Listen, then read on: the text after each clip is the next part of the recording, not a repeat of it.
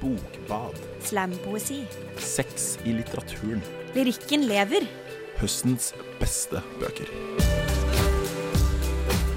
Dette er en podkast av Boktorsdag under Kulturutvalget. Annenhver torsdag holder vi litteraturarrangementer på Chateau Neuf.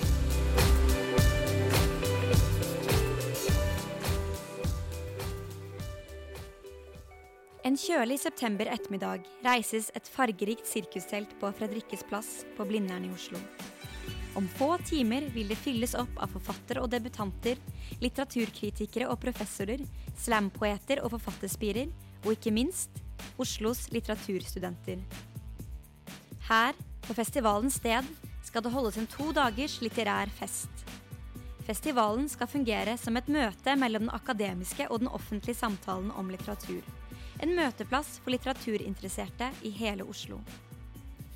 Sted er barn av litteraturtidsskriftet Lasso, Filologen, Bøygen, Boktorsdag under Kulturutvalget, tekstbehandlingsprogrammet til Radio Nova og Litteratur på blå. Sammen håper de å skape et mer sammenspleiset litteraturmiljø på universitetet.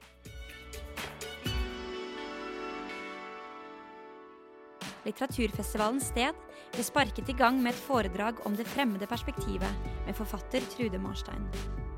Marstein har en årrekke gitt ut kritikerroste romaner der en av fellesnevnerne er at hovedpersonene har et annet perspektiv enn henne selv. Hennes siste bok, 'Hjem til meg', er skrevet fra en notorisk utro manns.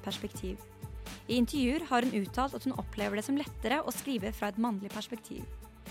I en tid der mye av litteraturen som gis ut er preget av en intens jeg-fiksering, skiller Marstein seg ut ved å skrive med avstand til seg selv og egen livssituasjon.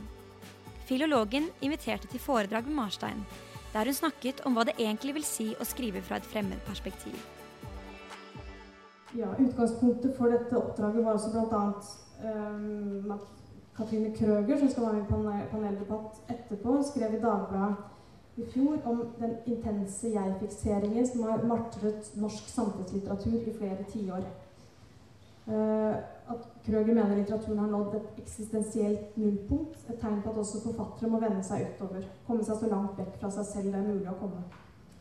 Uh, og Ingen Økland, som også skal være med, skrev tidligere i år i Aftenposten om at samtlige av nominasjonene til Tarjei Vesaas debutantpris skildrer jenter i en depressiv tilstand. Jeg har selv, som Krøger og Økland, reagert på det jeg og en skrivelærerkollega kaller fosterstillingslitteratur. Deprimerte unge kvinner og menn som aldri kommer seg ut av senga. Og kommer de seg ut av senga, så aldri lenger enn til nærmeste kjøkkenbord med tekopp eller et glass rødvin. Stillestående romantisering av hjelpeløshet. Og jeg har stor forståelse for det. Jeg har selv stått i de grader og vært i den skrivegreia der. Og jeg er også ganske nært det i flere av bøkene mine. Uh, og det er, måte, det jobben å få dem ut av senga, få dem ut av leiligheten. Det kan være utrolig vanskelig. Ove i min siste roman 'Hjem til meg' er utro gjennom seks faser i livet. Og Ove han måtte på den ene siden bli en kombinasjon av meg selv og en mann jeg selv kunne blitt forelsket i. Og på den andre siden måtte jeg ha tilstrekkelig distanse både til meg selv som person og min egen forelskelse til at Ove ble mer enn eh, henholdsvis subjekt og objekt.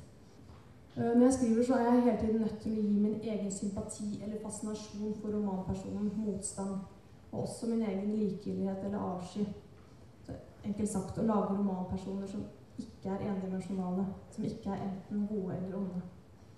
Og som også kan gjøre og tenke og si ting de fleste ikke umiddelbart bifaller. Og Ove gjør mye som de fleste ikke vil bifalle. Romanen skal være amoralsk. En god roman kan ikke være moralsk, mener jeg. Man skal ikke kunne utlede forfatterens meninger eller holdninger. Den gode romanen sier aldri hvordan virkeligheten skal være, heller ikke hvordan den er, men noe om hvordan virkeligheten kan oppleves.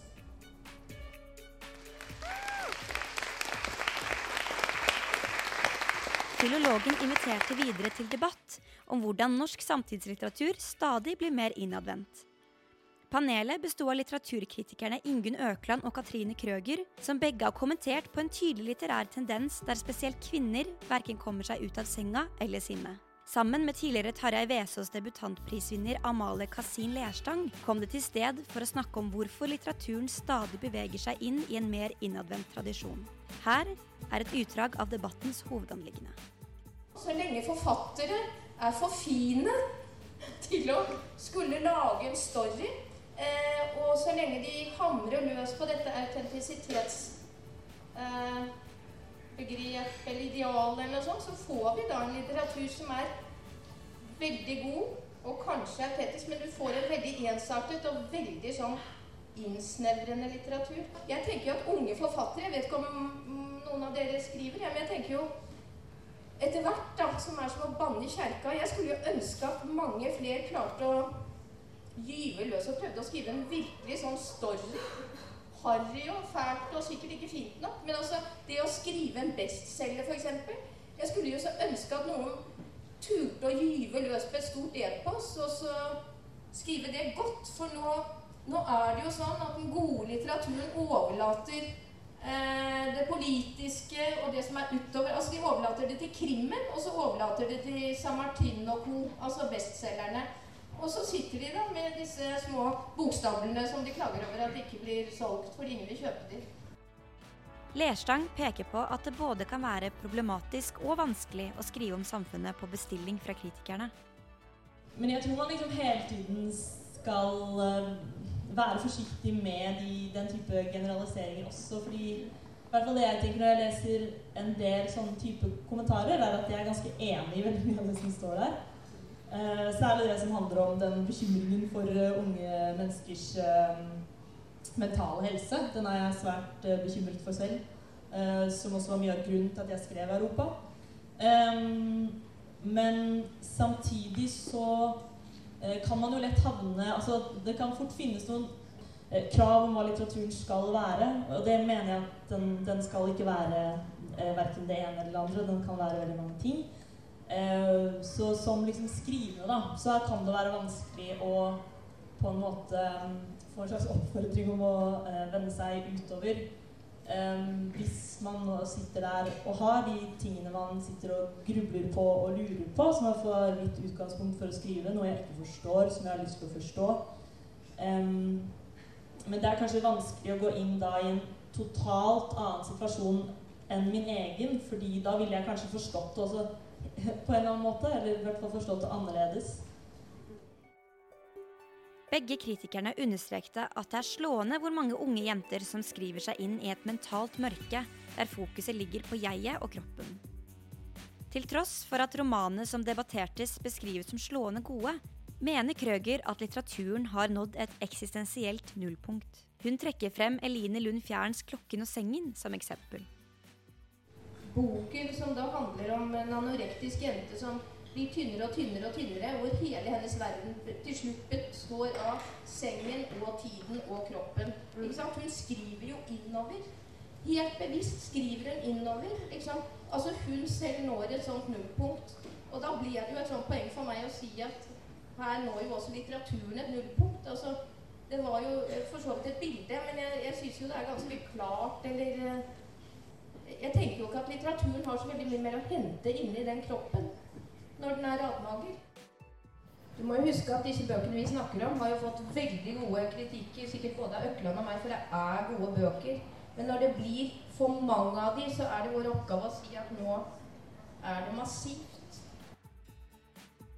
Eh, det er helt klart noe patetisk med kritikere som sitter og etterlyser en annen litteratur enn den som faktisk foreligger. Det er ingen som kan bestille den store romanen om 22. juli. Så jeg heller nok mer og mer mot liksom, for min egen del å gå inn i det som finnes, istedenfor hele tiden sitte og lese og etterlyse i mitt indre noe annet enn det som foreligger.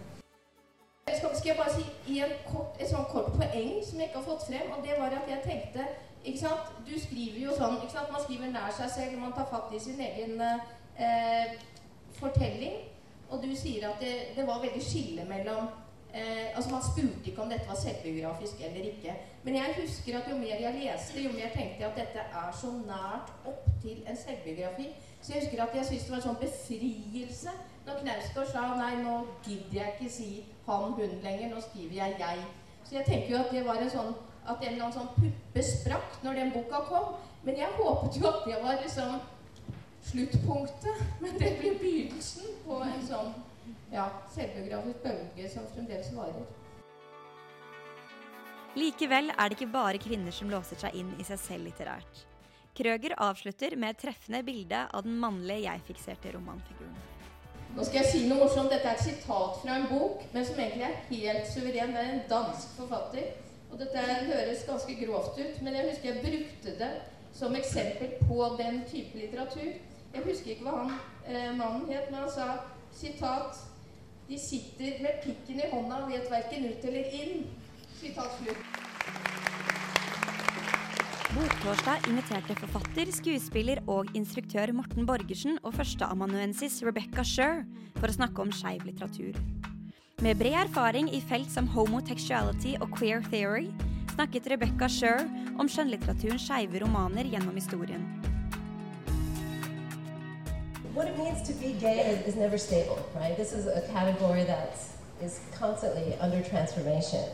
And Oscar Wilde was at a transformative point in the history of what it means to be gay because, on the one hand, he was prosecuted and jailed for being gay. The idea was that gay or homosexuality was something you did, it was an action that you can be prosecuted for.